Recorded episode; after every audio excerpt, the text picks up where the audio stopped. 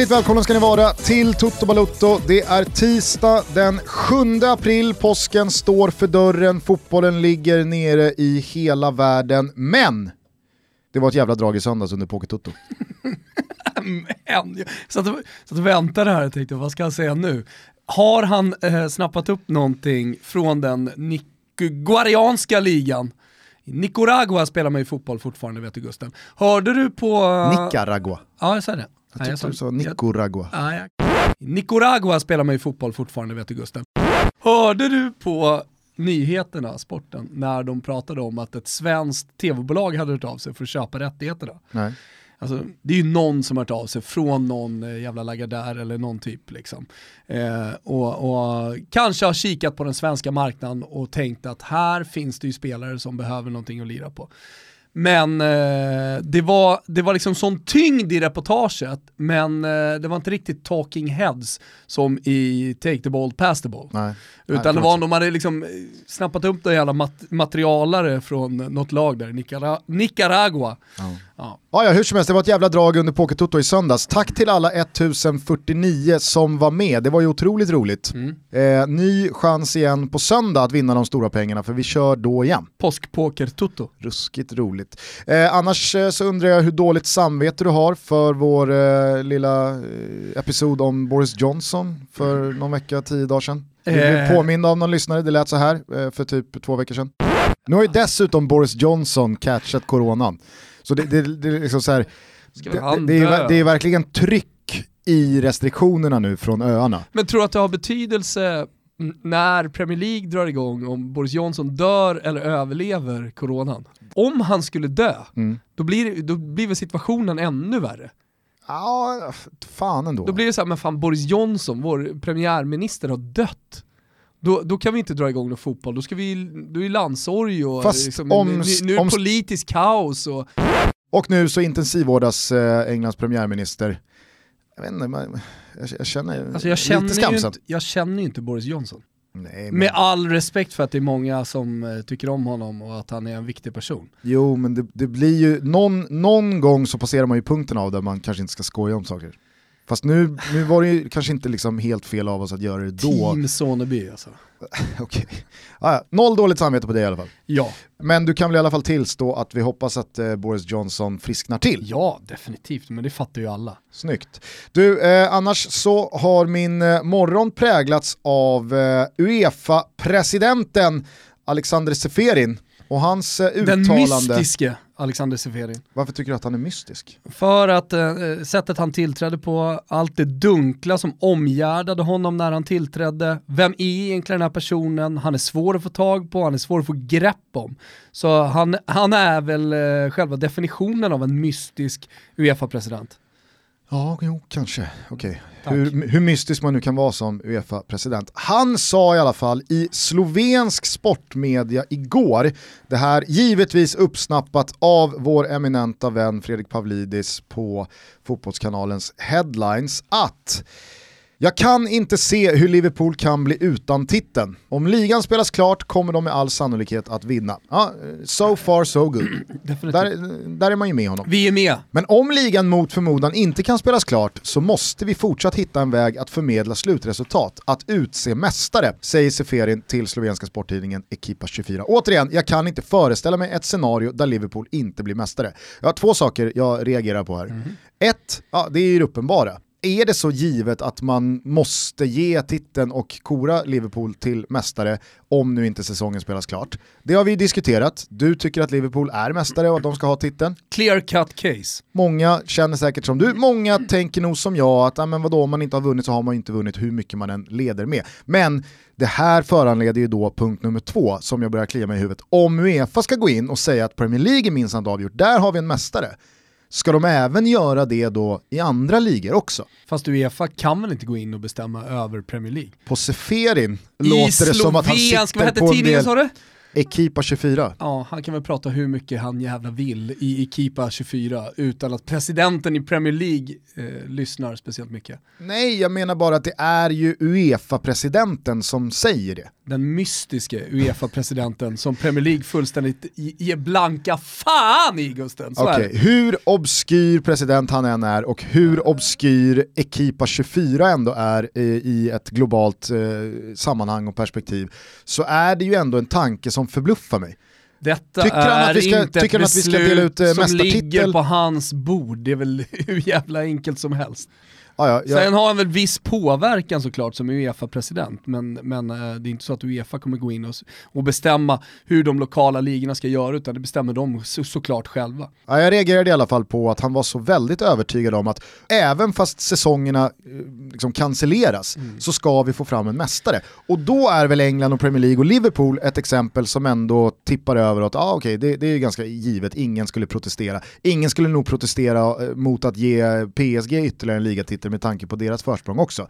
Lite Men, tuffare i Italien. Ja, eller i Spanien eller i Tyskland eller eh, var vi nu hamnar så är det ju liksom, där är det ju helt omöjligt. Nej men där, där kommer man inte göra det, i Italien kommer man definitivt inte att göra det. Antingen så spelar man klart säsongen eh, i, från eh, juni någonstans eller så kör man ett playoff.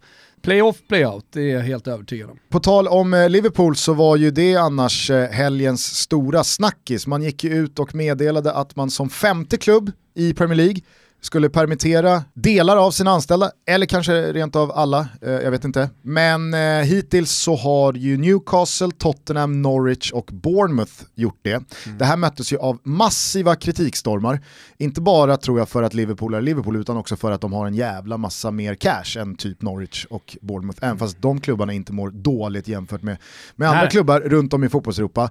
Eh, och eh, de här protesterna, inte minst då från eh, deras egna supportrar, Jamie Carragher var ute och svingade svingade vilt, eh, väldigt många andra Liverpool-supportrar också. Eh, Jamie Carragher ska alltid nämnas numera. Nej men så då backade de. Ja. Vi, eh, vi pudlar här, vi mm. usvänger, uppenbarligen så var vi helt snett på det så vi kommer inte permittera någon. Vad tycker du om det? Nej men jag tycker det är helt rätt. Alltså menar du själva puden eller att de faktiskt inte permitterar någon? Nej, hela händelseförloppet liksom. Det är så jävla, jag, jag, tycker att i de här tiderna så är det svårt att eh, navigera sig rent moraliskt och, eh, moraliskt och etiskt. Eh, så när AIK permitterade eh, sina anställda eh, så var det ju många rivaliserande supportrar som skulle göra en poäng av det. Mm. Det är alldeles för tidigt för att göra, sen så såg man ju många andra eh, lag haka på. Det vart ju ännu värre nästan när Malmö klev på. Ja, Ja, och så Djurgården gör det inte utan de valt en annan väg eh, och sådär. Men, men eh, det, jag, jag, tänker att det är ganska komplext ändå. Och, och, alla klubbar i sitt företag på något sätt och sin ekonomi att liksom hantera. Och finns det sätt att göra det på så kommer man liksom göra allt för att eh, ja, men göra situationen bättre. Alltså, det är ju trots allt en dramatisk situation vi står inför i och med att klubbarna inte har råd att gå utan allsvenskan. Klubbarna har inte råd att spela utan publik. Jag menar, eh, allsvenska supportrar har inte råd råd att köpa virtuella biljetter inför varje match. Det går liksom inte. Så att eh, då, då, tycker jag, då tycker jag på något sätt att det är svårt att navigera. Eller jag, jag har svårt att navigera och säga liksom att ah, men AIK gjorde fel. Det gjorde de väl inte. Det, det, var, det, det, är smarta personer som sitter i den ledningen som har kommit fram till det här beslutet. Däremot då kanske med Liverpool, eh, med framförallt eh, spelare som har otroligt mycket liksom, höga löner som kan hjälpa till liksom, och, och få skutan att rulla vidare, det vill säga behålla eh, de anställda. Eh, då, då, tycker jag väl att man ska göra allt i sin makt för att, eh, för att faktiskt behålla dem och, och, och, se till så att de kan sätta mat på bordet och köpa hem det dagliga brödet. Ja, I Italien pågår nu till exempel en stor diskussion kring att man ska på något sätt från ligaförbund och spelarorganisationen AIK eh, gå in och liksom bara bestämma att eh, nu, nu kör ni utan lön och det är klubbar som redan har gjort det, alltså spelare som redan har gjort det. Eh, men att det blir kollektivt, att, att ingen får lön på några månader. Nej, och det, tror jag, det tror jag nog är, är, den bästa vägen att gå. I Spanien så har det väl varit fyra, fem möten mellan just eh, ligan och mm. spelarfacket, där ligan vill att klubbarna ska gå ner upp mot 50% i lön, spelarfacket har satt tak på 20%. Och det, mm. alltså så här, 20%, ja, kan man göra mer? Borde man ha gjort mer? Men det är fortfarande mer än 10%. Det, det är alltid som du säger, det, det, det, är svårt att navigera sig när det kommer till etik och moral. Men i just liksom Liverpool, nu får ju Liverpool klä skott för Premier League sfären med alla de miljarder som finns i omlopp där i form av tv-avtal och sponsorpengar och skyhöga biljettintäkter och så vidare och så vidare. Där blir det ju magstarkt och där förstår jag att det sticker som fan i ögonen när en sån klubb går ut och börjar belasta skattebetalarna. Där mm. man inom citationstecken utnyttjar ett system som gör att invånarna i en nation som, precis som alla andra länder, går på knäna, kommer fejsa lång tid framöver av tuffa tider, ska hjälpa till att liksom chippa in stålar till en miljardindustri som, som Liverpool. Det, det blir ju jävligt magstarkt. Vet du vem som går i bräschen längst fram i den, i det italienska, den italienska offensiven? Nej. Mot att spelarna ska, ska avstå sina löner. Jo, det är Damiano Tomasi. Mm. Ja, han har ju eh, varit... Är det en never forget-spelare? Ja. Ah. Jo, skulle jag, fast i och för sig, han har ju alltså. figurerat, han har ju varit liksom eh, spelarfackets eh, ansikte utåt. Han är ordförande där. I många, många år. Ja. Eh, så att på något sätt så har han Tror hela han tiden... kommunistisk börd? Det kan vara förtal, som han, gott snack skulle snacka. Han är inte far right, det vet man. Det vet man. Eh, fina Damiano. Nej men jag skulle bara säga att han kanske inte kvalar in på Never Forget i och med att han här och där ändå håller sig aktuell i de här frågorna och dyker upp med nuna och namn eh, lite titt som tätt. Jag skulle bara landa i då att, fan, ändå bra tycker jag, härligt att en klubb som Liverpool kan usvänga, kan mm. pudla, kan sträcka upp händerna och säga vi var snett på det, vi ber om ursäkt, så. Mm. Det, det tycker jag ändå ska saluteras. Ja, verkligen. Annars så får man ju säga att eh, från eh, England och det fotbollsmässiga så fortsätter man att eh, förvånas över eh, stjärnspelarnas omdömen i sådana här tider. Jag såg för några veckor sedan, tio dagar sedan, Jack Relish, eh, han skippade karantänen, satte sig i sin Land Rover. Har de inte alltid en Land Rover i England? England Och eh, drog in i två bilar. Mm. Eh, känslan är att han inte blåser 0,0 på det alkotestet. Nej, det är känslan. Men nu i dagarna så var det då Kyle Walker som bröt mot karantänreglerna genom att eh, Nej, Det var väl uppgifter hem. om att han hade brutit mot karantänreglerna precis innan det blev lockdown. Ah, Okej, okay. ja, jag vet inte, jag, jag har bara sett jag att säger... Kyle, Kyle, Walker är själv ute och ber om ursäkt för hur han har betett sig. Mm. Det, det, verkar rubriken i, stämma. Rubriken i The Mirror är Kyle Walker host sex party with escorts hours before coronavirus stay home plea to fans. Alltså innan han gör sin stay home plea, stay at home, var det min Kyle Walker. Ja. Slagkraftigt. Slagkraftigt. Eh, stanna hemma. Eh, så har han alltså haft ett, eh, ett knullkalas. Mm. Mm. Uh, beställde hem två eskorttjejer. Uh, och, uh, Vem vet det här? Ja, Finns alltså, det jävla... alltså nu, nu, ska, nu, ska jag inte, nu ska jag inte Har de hittat någon Excel-ark hos någon bordellmamma? Ja, fast alltså, nu, nu, nu kanske jag generaliserar lite för Förtal igen. Men har man inte en erfarenhet och en känsla av att när det kommer till just Storbritannien och i synnerhet England, när det handlar om ja, mediala sopper kring i synnerhet idrottsprofiler, mm. så är ju ganska många inblandade benägna att snacka till pressen för cash. Alltså, det är väl ganska många otrohetsskandaler eh, som har rullats upp för att den tjejen eller killen som har varit då inblandad från det anonyma hållet i detta eh, som har då liksom tagit pröjs av The Sun den, eller eh, vad det nu kan vara. Den, den, den brittiska skvallerpressen är väl känd i hela världen för att vara liksom, skarpast, lägst ribba för vad man får publicera. Ja, nej, men, så då menar jag, jag tänker att det är väl inte speciellt far-fetched att någon av de här tjejerna, när de har lämnat ja, Kyle Walkers de, ja. Eh, kåk, ja. har lyft på luren, slagit en signal och sagt vet, 10k vet, pounds. Vet ni vad jag precis gjorde? Mm. Vill ni höra lite mer om det här så är mitt kontonummer bla bla bla. Ja. Eller? Ja men det, så är det nog. Passa på att känna lite extra. Det här har i alla fall lett till att uh, Garrett Southgate har stängt dörren för mm. Kyle Walker i landslaget. Aha. det är så. Då, då är det ju ganska bra eh, källor, får man ju tänka. Mm. Han är ju inte dömd för något. Å andra sidan, hur många mer landskamper hade Kyle Walker gjort då? Med tanke på Trent, med tanke på van Bissaka. Han pushar väl 30 Kyle Walker. Ja, 29-30 ja.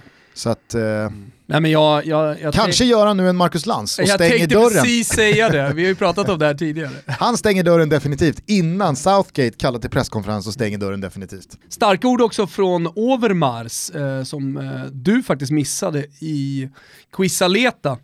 Han... Eh, Nej, jag missade honom inte. Tiden Jag rann ut. ja. Du ville ha med honom, jag tyckte absolut började sudda, tiden rann iväg. Men visst, det, det, den var på mig. L'Eredivisie är Ska vi köra ett blame game från Quisaleta-episoden? behöver vi definitivt inte göra, men du Vill har du kommit fördela- undan jävligt milt ska jag säga. Ja, det var ja. du som tryckte på 10, det var du som missade Overmars och det var du som nästan förlorade mot David Fjäll i head Ja. Så att eh, jag tycker att du kommer undan lite milt. Då är det väl på sin plats att jag bara nämner det kanske, eller? Så är det. Fan, var inte så jävla lättkränkt. Som vi ska Du. ha revansch. Ja, vi ska ha en dunderrevansch, jag lovar det. Vi riktar oss här och nu direkt till eh, Dobb, Ja. Till eh, Hoffman och Fjäll, Ja. som fortfarande står kvar på den där täppan. Våga bjuda in oss en gång till. Våga. Eh, han säger i alla fall att Eredivisie är död.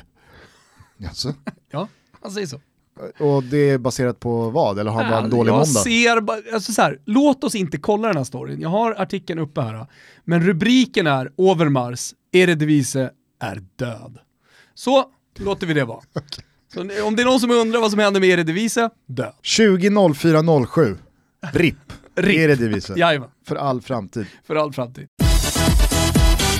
Vi är sponsrade av våra vänner på Randstad och Thomas, nu har vi ju varit det ett tag, således vill jag fråga dig, vad har du egentligen lärt dig av vad Randstad gör? De är världsledande på eh, jobbsökande. De hjälper ju dessutom till att utveckla folks eh, karriärer, eh, hjälper folk att byta bana, optimerar folks arbetsliv. Det där är ju lullull Gusten. De är världsledande på arbetssökande. Alltså folk som vill söka jobb, de söker sig till Randstad. Det, det är så jävla enkelt. Sen lullar du runt med eh, lägga in CV och att man ska in på sajten och så vidare. De är världsledande, hur svårt ska det vara? Det enda man behöver tänka, det är jobb, aha, karriär, mm, Randstad. Precis, bra Ja. Thomas, bra Thomas. Du har Försöker göra fattat saker och ting jävligt klart för folk bara. Eh, jag tycker det dessutom är på sin plats att vi påminner alla er som eh, pluggar om Mm. att eh, man via Randstad kan hitta arbete att eh, ha vid sidan om plugget. Det ger en eh, inte bara en välbehövlig extra inkomst utan också adekvat erfarenhet och merit från arbetslivet att ha i bagageluckan och på CVt när det väl är dags för examen. Och nu står vi inför en sommar och jag menar, ja, då behöver man lite extra cash som student så man kan komma in i hösten med några hundringar på fickan va Gusten. Så att, eh, det, det finns alla anledning för alla studenter att gå in på randstad.se nu och söka sig runt. Om ni vill förstå allt det Thomas redan har förstått, gå in på randstad.se så kommer ni fatta svängen. Vi säger stort tack till Randstad för att ni är med och möjliggör Toto Balutto. Stort tack. Hörru du, jag tänker att eh, det kanske är på sin plats att detta tisdagstutto efter våran inrikeskorrespondent jingeltävling förra veckan lyfta luren för sista gången utan jingel och ringa västkusten, GPA och Erik Friberg. Kan vi inte bara ta ner jätte, jättekort eh, avsnittet med Anders Limpar? Jo, Eh, eh, väldigt roligt med vår inflationskoll. 600 000 back in the days, du vet man var uppe och snuddade kring 60 miljoner och grejer. Oj oj oj, det är länge sedan, måste vara hur mycket pengar som helst. Det var ju några som hade gått in och räknat ut eh, inflationen då. Ja, det var 1,2 miljoner. Ja. Det, var inga, det, var inga, det var inga jättepengar, även om det såklart också är stora pengar. men Någon det- som tyckte att vi skulle faktakolla det? Ja, ja absolut. Jag såg faktiskt det mejlet i morse. Jag såg också att du väldigt så här, eh, ing, ingen, ska, ingen ska trampa på mig när det kommer till italiensk geografi. För då var det någon alltså som hade mejlat oss på totobalutto.gmail.com där han tyckte att det var ett jättebra avsnitt med Limpar, men det blir lite pajigt när han eh, sitter och slänger sig med faktafel eh, och vi inte rättar honom. Och så tar han då två exempel. Ett då att 600 000 1985 eller 86 eller när det nu var, det känns overkligt. Alltså, Ja, det, det, bara kolla upp kän, det, det, det, men är bara hans, det är bara hans känsla att det känns fel från Limpar. Om Limpar säger att "Ja, jag gick för 600 000 kronor till Örgryte, då gick han väl för 600 000 i Örgryte, varför skulle han liksom skarva det? Men sen då säger han så här, och sen så säger han att det är tre mil mellan Cremona och Milano. Och då kollade jag upp det, för då har du svarat på det här mejlet att jag såg mellan fingrarna med det som att så här, Jo men det, det är inte så att jag, typ, att jag reagerar och tänker tre mil, det låter lite, så tänker jag. Men det är inte så att jag direkt kollar upp, app, app, app, det är 10 mil mellan Cremona och Milano. jag, jag vet, jag menar bara att så här, att han tar upp det, alltså att han skickar ett mail om det, Mm. antyder att så här, det är 60 mil mellan Cremona Nej, och... vad är- Nej, det jag vet. är väl typ Så jag 10 kollade, mil, det är? 8 mil, Ja. och då är det så här. App, app, app, app Anders. Hörru du, det är inga jävla tre mil och med säkert någon förlängd liksom förortsgräns så kanske vi pratar sex och en halv mil. Han har fel på några mil, men då tyckte jag det var så kul att du då i ditt mail svarat så här, alltså hej, det hade jag ju koll på, men jag såg mellan fingrarna på det. Det var inte läge att flika in. Nej men Anders. alltså det var ju så, alltså, det är klart jag vet att det inte är tre mil, men det, det, är, inget, det är inget man reagerar på. Stoppar Anders Limpar mitt i sändning, Mm. upp, upp, upp. Fast det är, väl inte, alltså så här, det är väl ingen skillnad på tre och sex mil? Ja, men Nu var det ju, jag tänkte tio. Ja, skitsamma. Fortsätt Eh, höra av er skulle- ja, till eh, totobalotto.gmail.com eller våra sociala medier. Jättemånga roliga eh, reaktioner på Limpan-avsnittet. Eh, väldigt, väldigt trevligt. Mi, mi, det jag tänkte väldigt mycket på det är att han är en typisk 60-talist. Det där har vi pratat om, vi har gjort Voxpoppa tillsammans med Adam Nilsson, eh, väldigt uppskattat på vår första Oscarsshow, eller hur? Mm. Eh, där vi också fick väldigt mycket bekräftat, att det går att generalisera kring 60-talister. Man gillar Eh, rödvin, man gillar nej, hockey, nej, nej, nej, nej, hon gillar Amarone. Ja, man gillar Amarone, Ja. man gillar hockey, man kan inte ha ett par snyggt sittande jeans Nej. och sen så Filmningar hatar man filmningar. Ja, det gillar man inte heller. Jag vill addera ett par saker här efter, efter Limpan-avsnittet. Eh, uttal. Det är ju, alltså uttal, framförallt på latinska språk, det är ingenting som 60-talister ska syssla med. Barnabao, lite tre olika Bernabeu-uttal där. Han kollade väl även på Homeland? Ja. Eh, Maradona. Alltså där tror jag, vi skulle göra en ny Voxpoppa, det, det, det tror jag på något sätt är testet. Eh, för att se om det stämmer. Vi säger Diego Armando, vad säger du? Och då kommer Maradona tillbaka. Medan då är du född på 80-talet och framåt så säger man Maradona. Eller hur? Fullt rimligt. Och sen också, 16 weeks of hell. Det är ju någonting som 60-talister framförallt sysslar med. Det kan nog Det, smy, det smyger sig uppåt nu mot tidiga 70-talister och sådär. Jag vet att Concha har varit på, Fjäll och de är 73 er ja nu Concha var han 76 75 Någonstans där. Men ändå, 60-talist-trend, det är precis vad det är. Och att Limpar inte hade spelat i USA, utan i Amerika. Ah. Och när han pratar om landslaget så är det också eh, Amerika. Det för mig tillbaka till, jag pratade om Asterix här för några veckor sedan, för mig tillbaka till liksom Lucky Luke och, och ja, gamla, gamla serietidningar helt enkelt. Där pratar man väldigt mycket om Amerika. Hörru du, eh, med det sagt då så lyfter vi återigen på hatten för Anders Limpar. Jag tyckte att det var en fantastisk stund vi hade med honom och alla glada tillrop för det här avsnittet. Men nu ringer vi Erik, inrikeskorrespondenten Friberg. Vilken jävla otur. Pokertoto. Eh, men alltså, ot, vilken plats kom du på? Eh, under tusen. Ja, men det var väl som Danne sa, topp 1000 top 1000 är godkänt. Jag är nöjd med min prestation. Som många hade sagt. Kan du berätta om handen du åkte på? Ja, Jag kommer, jag kommer fan inte ihåg alltså. Gick det, du, var, det var för mycket adrenalin. Jag, var- jag var för nervös faktiskt. tålamod är en dygd i de här sammanhangen. Fast inte bara, man kan inte bara sitta och blinda bort sig. Det går rasande snabbt när Kan det är man spela offensivt också eller? Nej men alltså så här, du måste ju spela när du måste spela. Du kan inte bara sitta och fega ur och, Jo, och, jag och, skylla liksom- på, och skylla på att du har bra tålamod. Ja men det kommer ju skitkort, för mig kom det skitkort hela tiden. Vad ska jag sitta och fold, jag kan inte sitta och folda bort mig bara och sen så... Ja men till slut så måste du agera och pusha och hoppas på att ja, men då får väl ingen syna det. Vet du vad det bästa av allt är Fribben? Nej, Ny chans på söndag 20.00. Det är bara att Ja, skippa påskmiddagen. det här, eh, min- alltså under i alla fall 500 ska det vara. Ja, det ska du. Nej och men sen innan säsongen drar igång här så jag är med topp 10. Ja det är så. Känslan är att du kommer ha många försök på dig innan säsongen är igång. Så lär det bli. Men Du, jag måste säga det, jag håller med Friberg att eh, det, var, det var ändå oväntat vilket pulspåslag det var. Man tänkte, ja ja vad fan, 148 kronor pokertutto, det här ska vara lite kul. Men så plockar man upp eh, två bra kort och så kommer en bra flopp, alltså då, då hörde man nästan hjärtat. Dudum, dudum, dudunk. Mm. Hörru Fribbe, kan man, kan man få en re reaktion på Axéns eh, tips, allsvenska tips? Jag vet inte om du har sett det? Ja, jag hörde ju det. Jag var med i den här Dplay-sändningen där. Ah, okej. Okay. Ah, ja, det säger väl en del om eh, hur mycket jag konsumerar där. jag tycker han säger det varje år. Att Häcken ska vinna? vinna. Men är inte det bara hans sätt att försöka vara neutral mot storklubbarna? Kan det vara. Eller har Axén blivit den nye Thomas Wernersson? Som alltid ah! förr i tiden sa, till slut så tar Elfsborg det. Hur långt bakom Elfsborg än låg toppen så sa Wernersson i Fotbollskväll. Men jag tror ändå till slut så tar Elfsborg det. ja, men jag hoppas han är rätt på det. Ja, han var inne på att det skulle vara mycket som en kupp i år. Att det var så tätt matchande. Och att vi är bra i kuppspel.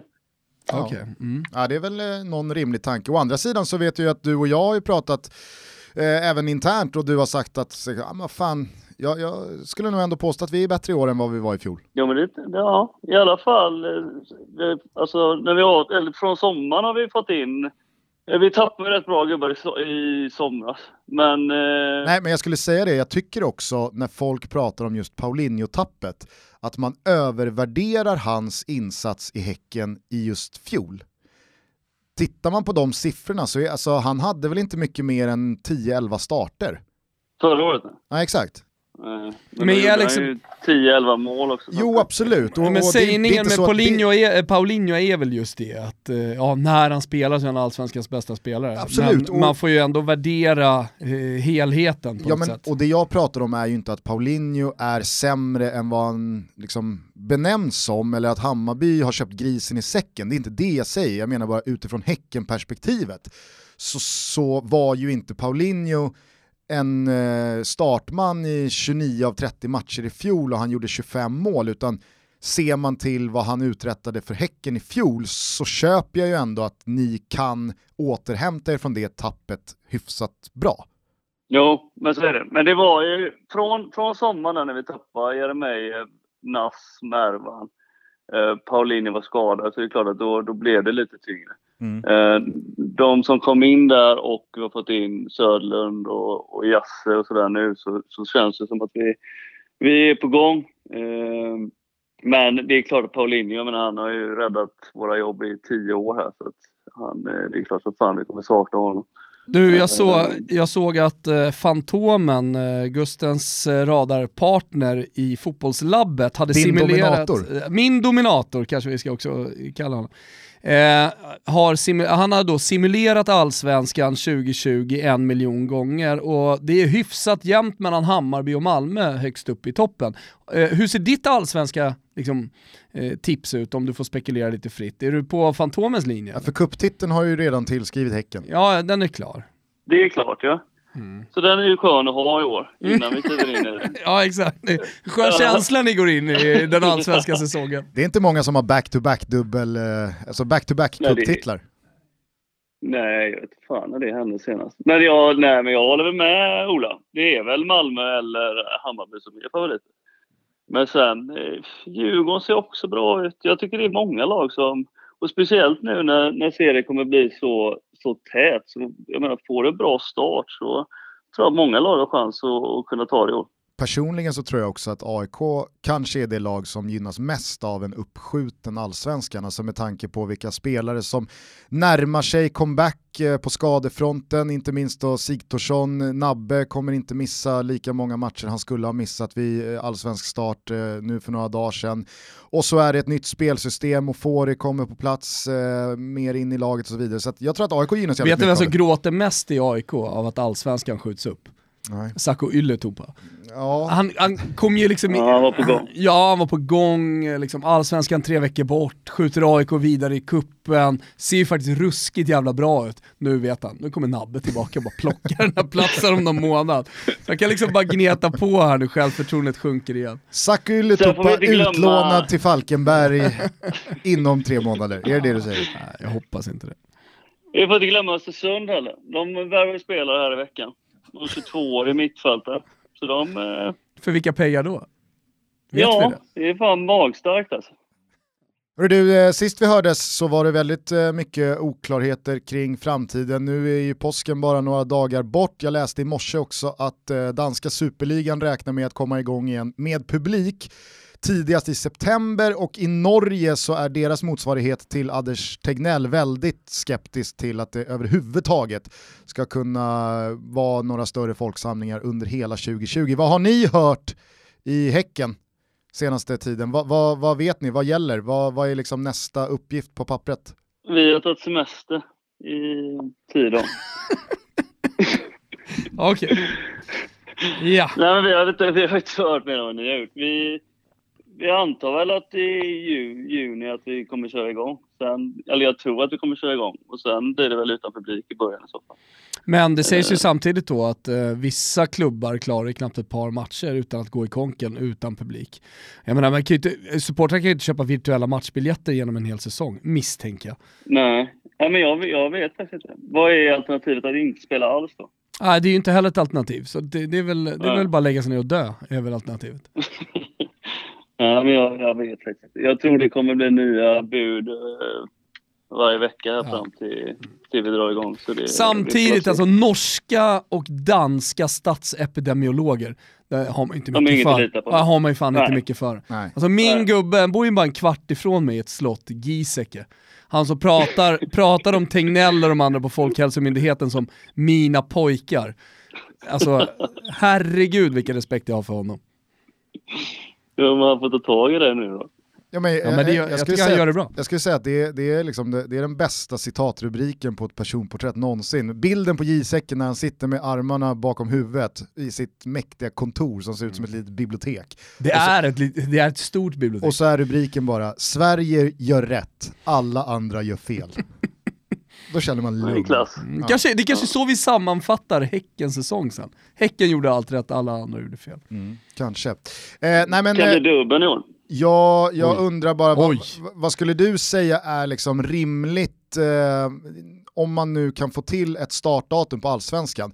Hur mycket matcher eh, inför behöver man spelas eller är det bara att trycka på play och köra? Går det att förbereda sig på en träningsplan internt eller behövs det en månad av träningsmatcher? Alltså, jag, för min del tycker jag att när, när det väl är okej att köra så tycker jag vi ska köra med en gång. Då får man, jag menar nu har vi haft tid på oss och så, så länge vi får träna och sådär. Så det var ju snack om innan att vi inte skulle få ha någon när, alltså närkontakt så då blir det jobbigt. Men så länge vi får träna så tycker jag då, då får vi fan anpassa oss och så när vi, när vi kör så kör vi bara. Då blir det samma för alla. Fan, nu hör man att du har haft Stare. När vi kör så kör vi. Så är det. Vad, vad, vad säger man internt då i omklädningsrum allsvenska spelare emellan? Är man liksom eh, nojig och orolig eller går man bara och är frustrerad eller vad, vad, vad är snacket? Nej men mest frustration såklart. Att det är jobbigt bara.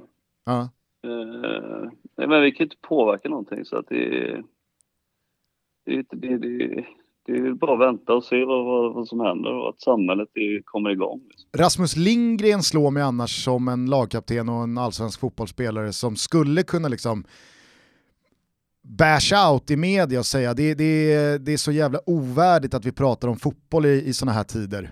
Det är bara att lägga ner. Men har inte det blivit den mest eh, uttjatade klyschan i liksom, hela de här tiderna? Varför pratar vi om fotboll? Vi kan visst prata om fotboll, hur jävla mycket som helst kan vi prata om fotboll.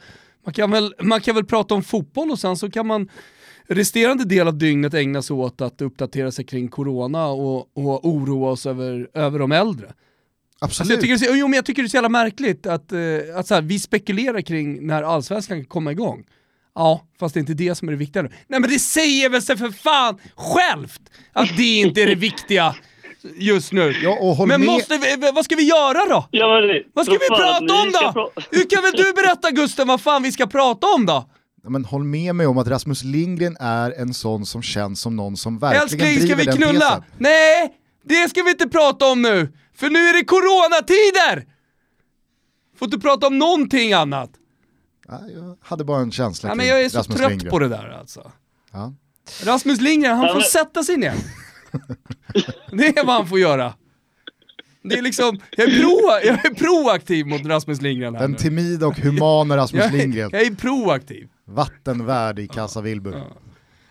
Fast han inte har gjort något. Nej, han har inte gjort något. Jag tycker ni ska fokusera på att prata om fotboll och så får Tegnell och gänget prata om corona. Eller hur? Vi har olika roller. Giesecke pojkar. Ja. Giesecke pojkar, de har koll på läget. Hörru du, hur mycket har du hängt med i vår inrikeskorrespondent jingeltävling? Ja, men jag hörde dem. Ja, Jag gillar alla fyra.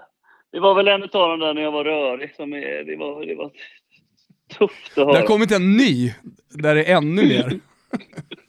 Kanske avsluta med den, vem vet?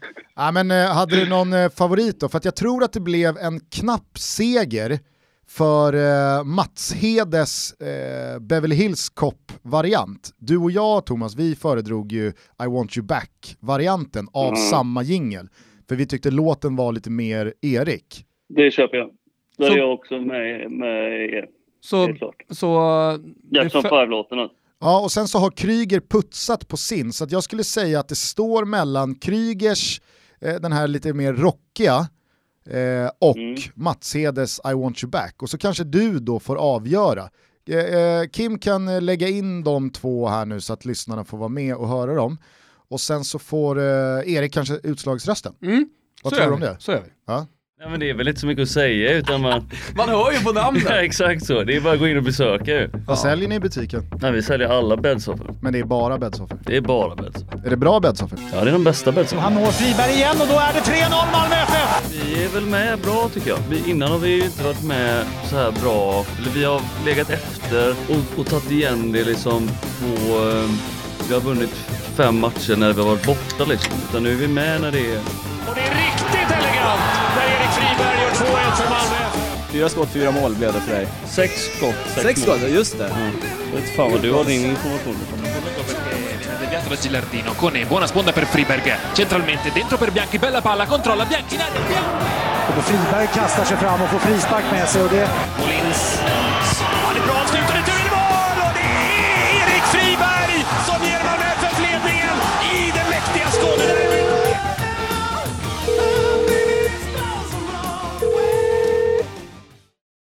By Delagaza. Ricketts slips. Freeman!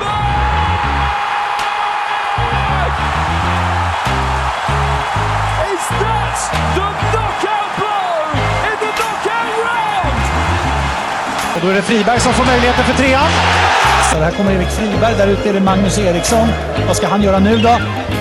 Och han når Friberg igen och då är det 3-0 Malmö FF!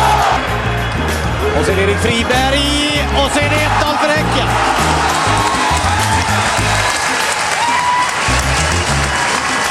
Mr 100 procent. Ja. Hur känns den benämningen?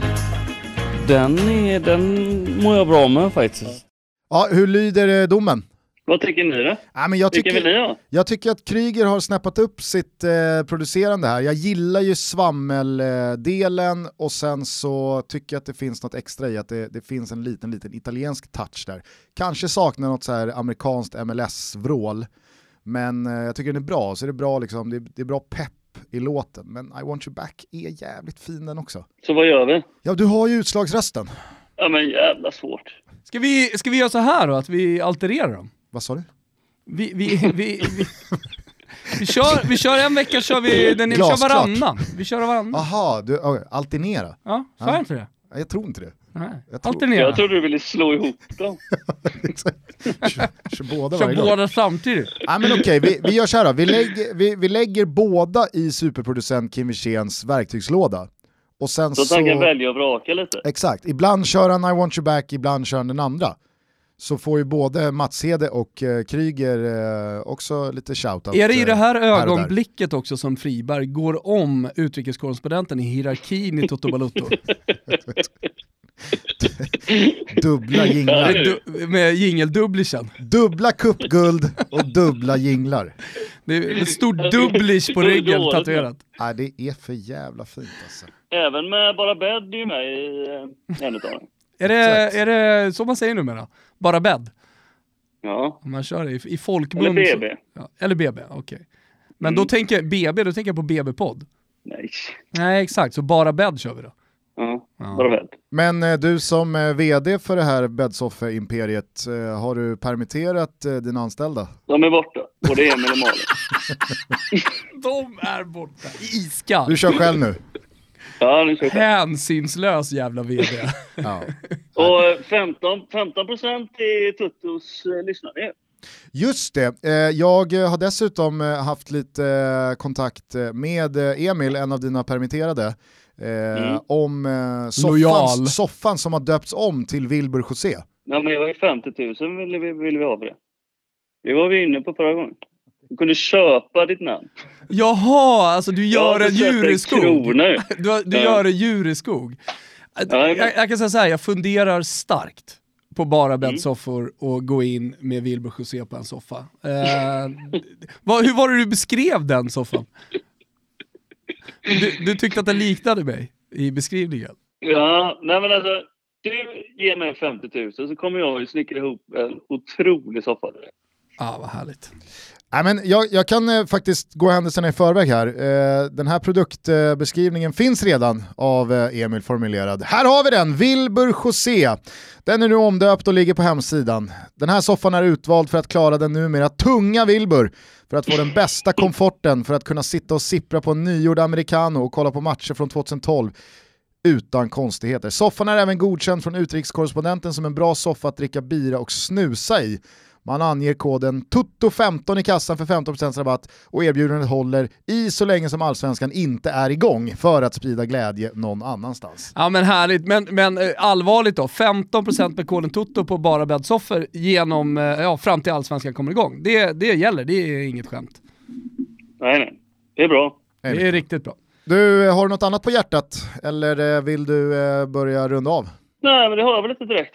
Jag, eh, hur, hur mår superproducent? Jo är men han han... ute och minglar fortfarande eller är han Ja, i ja, ja, ja visst. deppig karantän nu? Nej, men alltså, Kimpen har åkt på någon eh, riktigt eh, deppig cocktail av karantän och skilsmässa. Ej ljust, så Nej. att säga. Kämpa. All, styr, all styrka till superproducent Kim Wirsén i dessa tider. När man, Det är frågar han om, jag tänker på när det är mörkt. när man frågar om man ska gå ut och ta en bärs så dröjer ju inte det jakande sms-svaret allt för länge. Ja, han är fin. Ja, Han är superfin. Eh, hörru du, eh, då önskar vi eh, glad påsk. Det är detsamma. Så ses vi om inte annat på söndag klockan åtta va?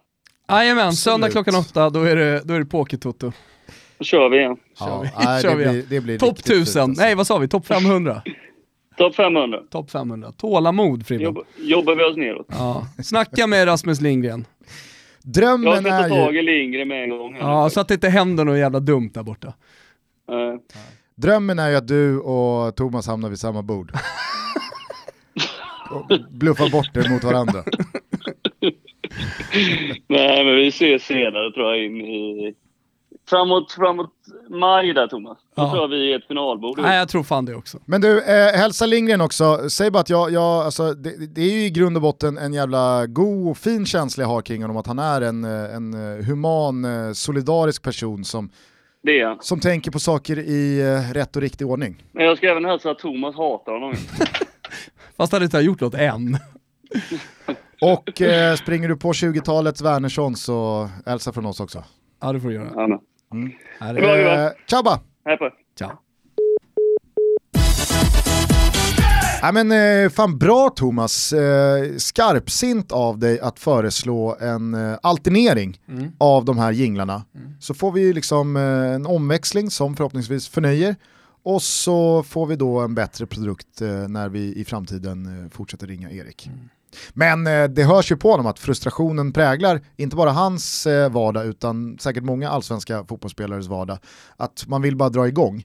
Eh, att det är så här, ah, men vad fan, kan vi få ett startdatum, då kan vi inte hålla på och eh, dribbla och tjafsa med massa träningsmatcher. Då är det bara pang på, lika för alla, då kör vi. Nej men så är det, exakt. Du, eh, har det blivit dags för ett Never Forget? Ja, Vi är lite långare avsnittet så vi tänker vi kör en Never Forget nu och sen så kommer vi tillbaka med en på torsdag. Det är ju så, Toto Balotto löper på två gånger i veckan genom hela coronakrisen. Vi älskar att sitta här och prata tillsammans med er även om inte ni får så mycket luft. jag tror att vi har eh, gett den nådiga Never Forget-nicken till sex spelare hittills. Här kommer således numero sette. Nummer sette ja, exakt. Eh, och För jag misstänker att vi ska till Italien. Nej, men vi ska till Uruguay. Oh. Vi ska till... Eh, Nicaragua. till Nicaragua. Vi ska till Uruguay och vi ska till en man som eh, Diego Armando Maradona. har sagt så här om. Om det finns en man, en enda man eh, i Argentina som vi måste respektera och ta av oss hattarna och mössorna inför så är det Enzo. För Enzo, han är den största. Det är ju stora ord, eller hur Gusten? Zinedine Zidane har döpt sin eh, ene son efter honom. Pelé, när han valde sina det, typ så här 100 bästa spelare, eh, så är han den enda uruguayanen. Hundra bästa. Ja, Jävla matig lista. matig lista. Hör du Pelé, du- Plockar du fram det 100 rockar? kan du köra, kan du köra dina topp 100? Enzo Perez, vet du vem det är? Eh, nej. Argentinsk mittfältare, det vet du visst vem det är. Mhm. Om du tänker tillbaka lite. Det är ju modern tid vi snackar om, han 34-35 bast? Spelat i argentinska landslaget. Generiskt namn. Jo, jo, jo. Eh, döpt efter eh, den här spelaren. Det är många som redan vet vem det är. Jag pratar om El Flaco di Barrio Capurro. Jag pratar om Enzo Francescoli. Får upp en bild eh, i, eh, i huvudet när jag säger Enzo Francescoli. Nej, det, Det, kan, här det kan faktiskt är inte en otrolig never forget-spelare. Alltså i Sydamerika, alltså superdyrkad. Frågar du alla stora spelare eh, från eh, hans tid när han spelade fotboll eh, så kommer de nämna honom som en av de bästa. Eh, så att eh, här finns det absolut eh, anledning då att lyssna, inte minst för våra yngre, yngre, yngre lyssnare. Jag vet att eh, Anders Limpar, han känner väl till Enzo Francescoli. Ska vi börja liksom från början med honom lite grann? Ja men det tycker jag. Det är nog inte bara jag som eh, sitter och skruvar på mig av okunskap här. Ja, men, eh, han, han kommer ju då från eh, Montevideo och eh, från den barrion, alltså det kvarteret eh, eller området som heter Capurro. Och vad är Capurro känt för? Jo, där bodde eh, immigrerade italienare. Och så eh, var även eh, Enzo Francescolis eh, förfäder, han kom från Italien såklart. Då. Så har vi fått in den eh, lilla kopplingen om det är någon som var rädd att jag inte skulle nämna Italien eh, i, i min Never Forget eh, här då. Det är ju väldigt italienskt namn. Ja, exakt. El Flaco, vet du vad det betyder eller? Eh, ja, vad fan, det kallades ju eh, Pastore. Perus förbundskapten. Okej. Kallades också El Flaco. Mm. Eh, det, det kallas även eh, eh. Javier Pastore för och det är ju den smale. Exakt, Sug, sugröret. Ja, sugröret. Eh, stor Peñarol-supporter. Alltså om vi nu ska gå in i den uh, uruguayanska fotbollen så pratar vi alltså Peñarol. Vi pratar om eh, River Plate, eh, de Montevideo.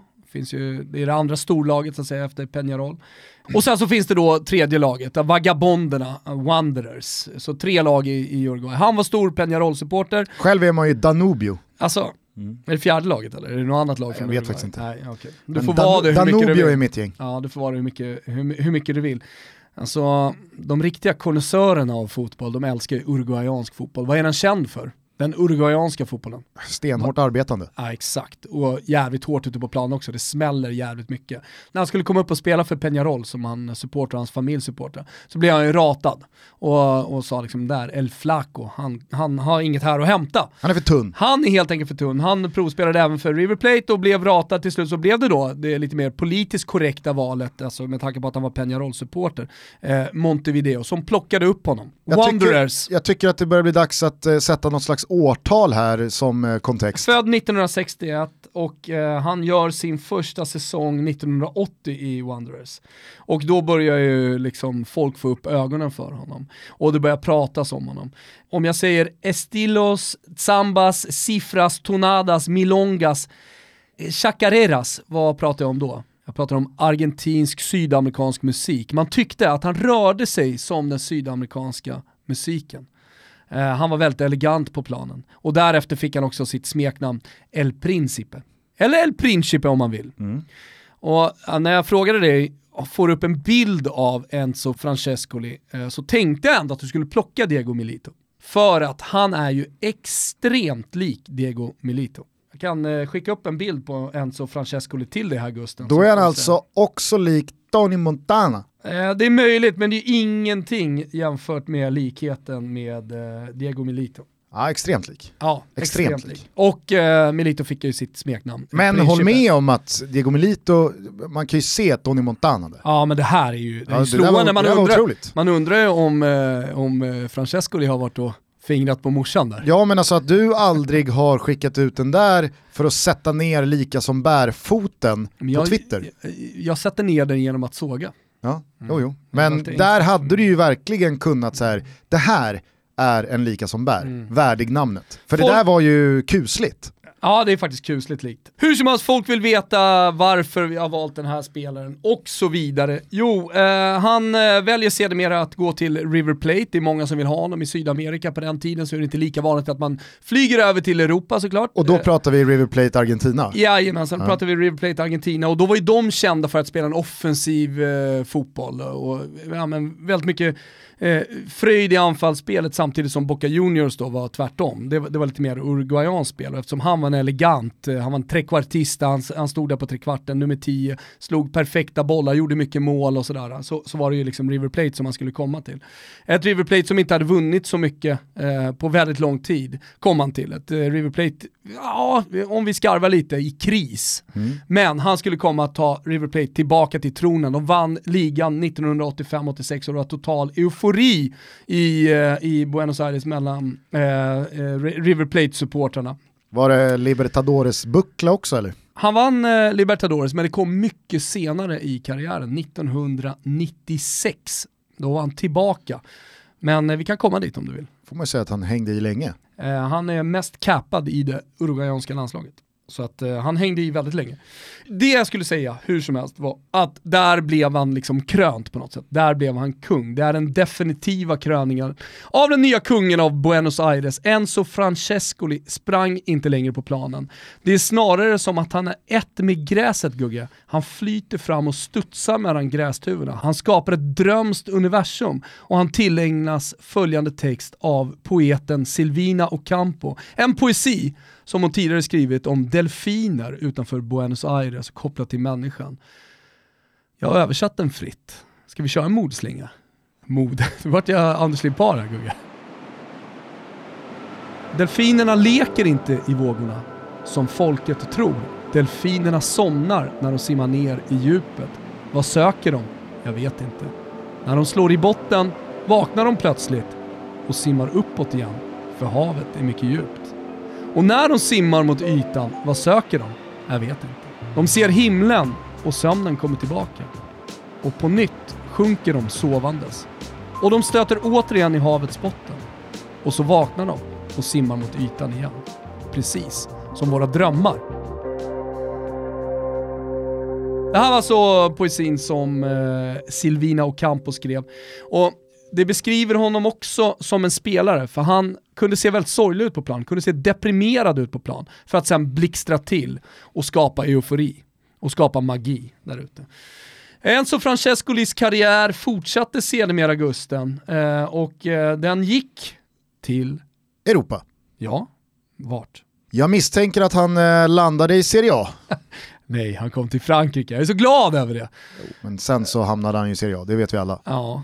Tror jag att jag nämnt La- Lagardère tidigare i avsnittet? Har jag inte gjort det? Eh, jo, absolut. Ja, ja, han kom till Racing Club de France fotboll och det är alltså ett Parislag som ägdes av Lagardère som gjorde några satsningar, köpte in stora spelare som min idol till exempel, vem då? Pierre Litbarski. Ja, det är en never forget-spelare som säkert kommer komma. Tvåfotarens eh, okrönte konung. Eh, men David eh, Ginola spelade där och, och så vidare. Så han, eh, han var med i den satsningen, gjorde det riktigt bra där, kom sedermera till Italien också. Eh, och, ja, ja, såklart. Eh, var kung där, eh, framförallt så erövrade han eh, Sardinien. Han spelade i Cagliari, eh, i Juventus ville ha honom, det var många klubbar som ville ha honom, men eh, han valde att vara kvar på Sardinien. Eh, om man kollar lite statistik liksom från hans karriär så ser man att han gör mycket mål också som trekvartist. Han är Rui Costa-typen, alltså om man ska göra en lite mer modern jämförelse. Står precis bakom anfallarna. Så i River Plate gör han 11, 29, 28 och sen kommer han till eh, Paris, gör 14, 8, 10. Olympique Marseille vinner han ligan med 89-90 eh, där han gör 11 mål och är lagets absolut bästa spelare. Han kommer till Cagliari, där blir han nedflyttad eh, i planen, så han spelar mer som en regista istället för en trekvartista. Gör 4, 6, 7 och under den här tiden så är han eh, såklart också eh, fan, ja, men en, eh, liksom, ja, men kung av Uruguay. Han är liksom spelaren som alla har som idol. Men eh, rätta mig om jag har fel, det här var väl en eh, tidsperiod då det uruguayanska landslaget inte firade speciellt stora framgångar. Alltså man eh, var ju kanske inte världsdominerande men man plockade ju ett par tunga titlar i VM-historien tidigt. Sen så var det väl ett par årtionden där, där det lyste med sin frånvaro. Innan den här gyllene generationen med Diego Forlan och Godin och Suarez och Cavani dök upp. Eller? Ja men det stämmer, eh, men eh, han vann ju Copa America och på den tiden, och fortfarande ska jag ju säga såklart, så är det otroligt viktigt. Eh, han vann Copa America första gången 1983 och då hade inte Uruguay vunnit på väldigt, väldigt länge. Så det var en titel som verkligen gjorde någonting med, med det fotbollstokiga landet. I den finalen 1983 som spelas mot Brasilien så börjar klockan ticka mot slut och en uruguayansk spelare går in i straffområdet. Han blir fälld, men bollen går till en uruguayansk spelare som sätter den i mål. Alltså allting sker under 2-3 sekunder. Men domaren påstår att han har blåst. Och då tänker alla att det är straff. Nej, nej, nej. Den var utanför straffområdet. Det var ju långt innan VAR. Men eh, vi lägger ut det här på sociala medier så kan ni själva se. Det är såklart en praktskandal. Men vad gör Enzo Francescoli då? Jo, han stegar upp. Jag tror de står fyra stycken vid bollen om jag inte minns fel. Eller ska du stanna där? Och så får folk titta. Ja, och där, 1983, då förstår alla att den här spelaren, han ska komma att vara kungen av uruguayansk fotboll under två decennier framöver. Att den här snubben, han ska impregnera en kvinna som sen ska ge födsel åt Diego Milito. Eh, han kommer att vinna eh, Copa America tre gånger. Och precis när han håller på att avsluta sin karriär, vi snackar alltså 1995, han är fortfarande på topp alltså. Och jag vet att vi har som en grej i Never Forget-segmenten, att man ska försöka liksom hitta när stod han på den absoluta toppen. Men de största spelarna Gusten, de står på den absoluta toppen under väldigt lång tid. Och det gör egentligen eh, Enzo Francescoli under hela sin karriär, för han avslutar verkligen på topp. Han vinner Copa America, America 1995 och det som är så speciellt med det, det är att den spelas i Montevideo, finalen. Matchen slutar 1-1, eh, den går till straffar och Enzo Francesco slår den första, den går i mål, sedermera så vinner man och eh, ja men gatorna i Montevideo är liksom fullständigt galna. Och det, här är, det här är i slutet på hans karriär då han liksom hela tiden har hållit upp en fantastisk eh, liksom, målskörd. Man ska komma ihåg också att 1995, det är ju tider som du minns. När de, vin, när de, vin, jo men, alltså, så här, när de vinner Copa America, tänk dig Quisaleta. Mm. Och vin, äh, äh, ja, men, Sitter och laddar här nu för nej, revanschen. Nej, ja, det gör jag väl lite. Men, men så här, vad har Argentina för, för, för lag? 95. Alltså, det är många som viftar bort Copa America känner jag. Argentina 95. Ja. Här snackar vi Batistuta, mm. Balbo, Caniggia. Vi snackar Ortega, Simeone. Simeone, absolut. Ja, ja, vi snackar ett Colombia som är fantastiskt, det här är direkt efter VM 94. Borde väl också vara ett Argentina med typ Ayala och Pellegrini i uh, mittförsvaret. Ja men exakt, det är ett ruskigt bra Argentina. Så att man vinner med uh, Enzo Francesco liksom pådrivare, det är, ju, det, det är ju någonting. Det är en titel att verkligen ta till sig. Ja det får man säga. Det måste alla göra. Han avslutar också, det är viktigt att säga, jätte, jättebra i River Plate.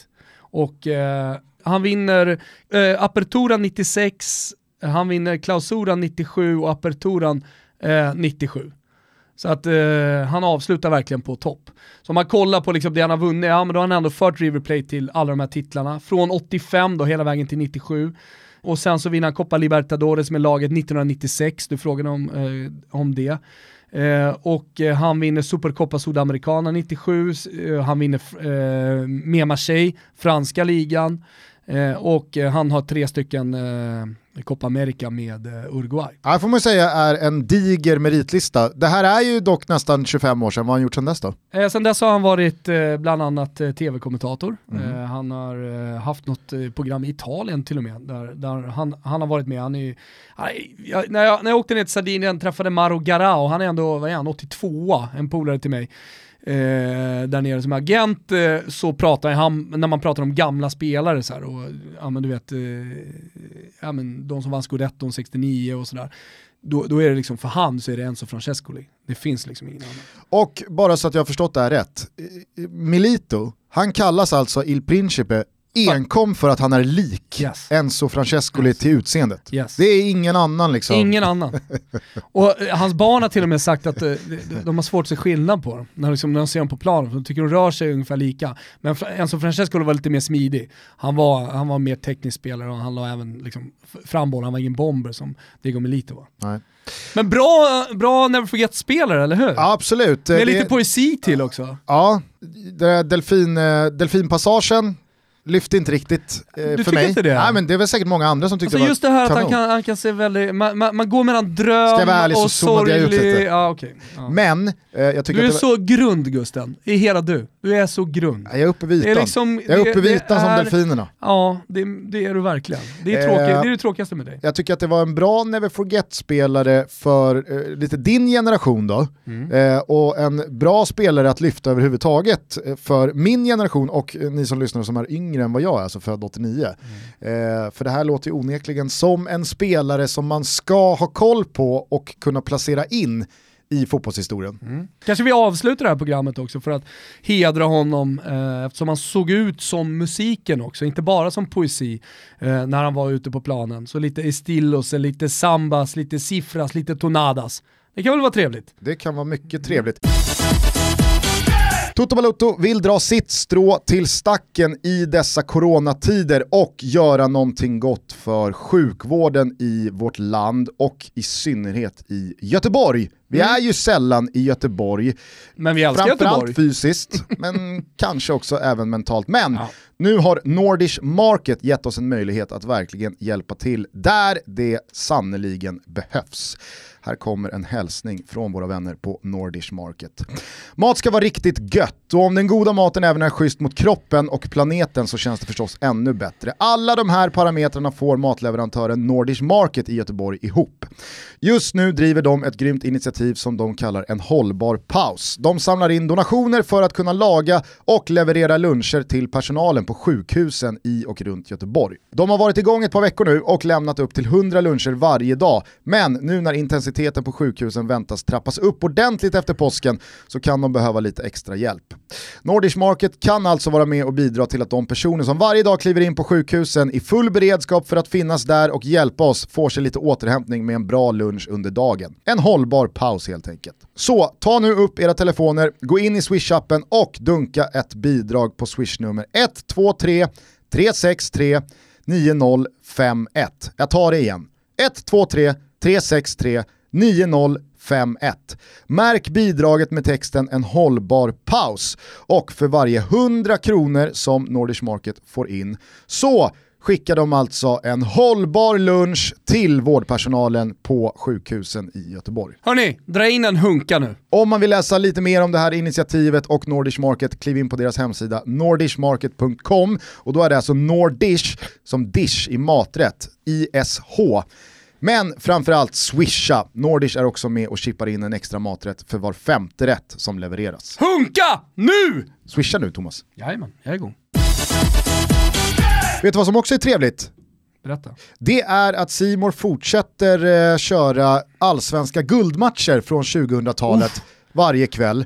Eh, ikväll, alltså tisdag, så kör vi Malmö FFs guldmatch från 2004. Vad minns du från den? Ingenting.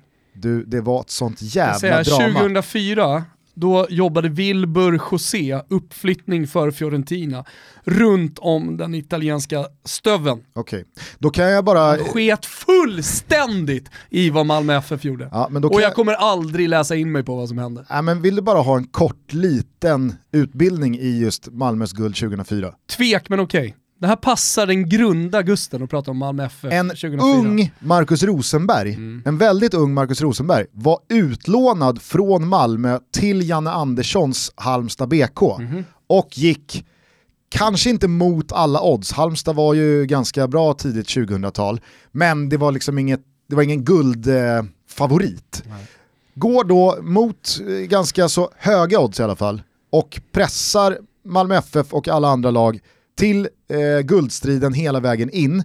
Men lyckas inte vinna i sista matchen, utan vinner gör istället Malmö FF med 1-0. Och det är det här som då sen föranleder det här röda kortet Marcus Rosenberg tar, är det 11 år senare, du vet när han tar det tidiga röda kortet, mot Janne Anderssons Norrköping som ett nu ska jag hjälpa dig få det där guldet som vi aldrig tog 2004. Det kan vara värt att ha med sig in i den här matchen. Eh, imorgon, onsdag, ja, då är det Blåvitts guldmatch från 2007.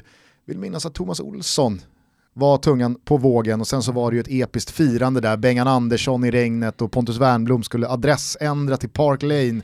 Ah, det var länge sedan Blåvitt fick jubla åt ett SM-guld så att imorgon har ni chansen igen. Kika in de här matcherna kvällstid på Simor. Ja men Blåvitt, det är alltid trevligt att kolla på, eller hur? Hörni, nu tycker jag att vi eh, drar ner jalusierna och stänger Toto-butiken för denna tisdag. Fan vad roligt det är att ni hänger i och lyssnar på oss även i dessa coronatider. På torsdag hör ni oss igen, då lyfter vi luren och ringer upp eh, vår käre Big Mike nere i Belgien. Eller är han hemma? Han tagit eh, sig hem till lugnet i Då Umeå? hade han suttit i den här studion kan jag säga. Han är, han är i Belgien. Fortsätt höra av er, totoblota.gmail.com eller våra sociala medier. Glöm för guds skull heller inte påskpoker-toto på söndag 20.00. Vi siktar väl på dels bättre placeringar, både du, jag, Friberg och eh, Utrikeskorren och mm. Superprodd Kimpa och så vidare. Men framförallt att vi ska vara fler än 1049 personer. Det tror jag att vi grejer. Det är vår eh, målsättning i alla fall. Man får inte glömma att spela ansvarsfullt och du måste vara över 18 år för att spela. Behöver du hjälp? Då finns stödlinjen.se. Jag kommer sätta upp en, en stream där man ser mitt bord också. Ja, ja. Men det är väl kul? Ja, det är jättekul. Ja. Det är, Jag körde någon Twitch eh, senast, men nu, nu blir det... Nu blir det... Stilstudie i hur man inte spelar poker. Ja, det är det nog fan. Hörni, vi hörs snart igen. Tack för att ni lyssnar. Ciao tutti. Ciao tutti.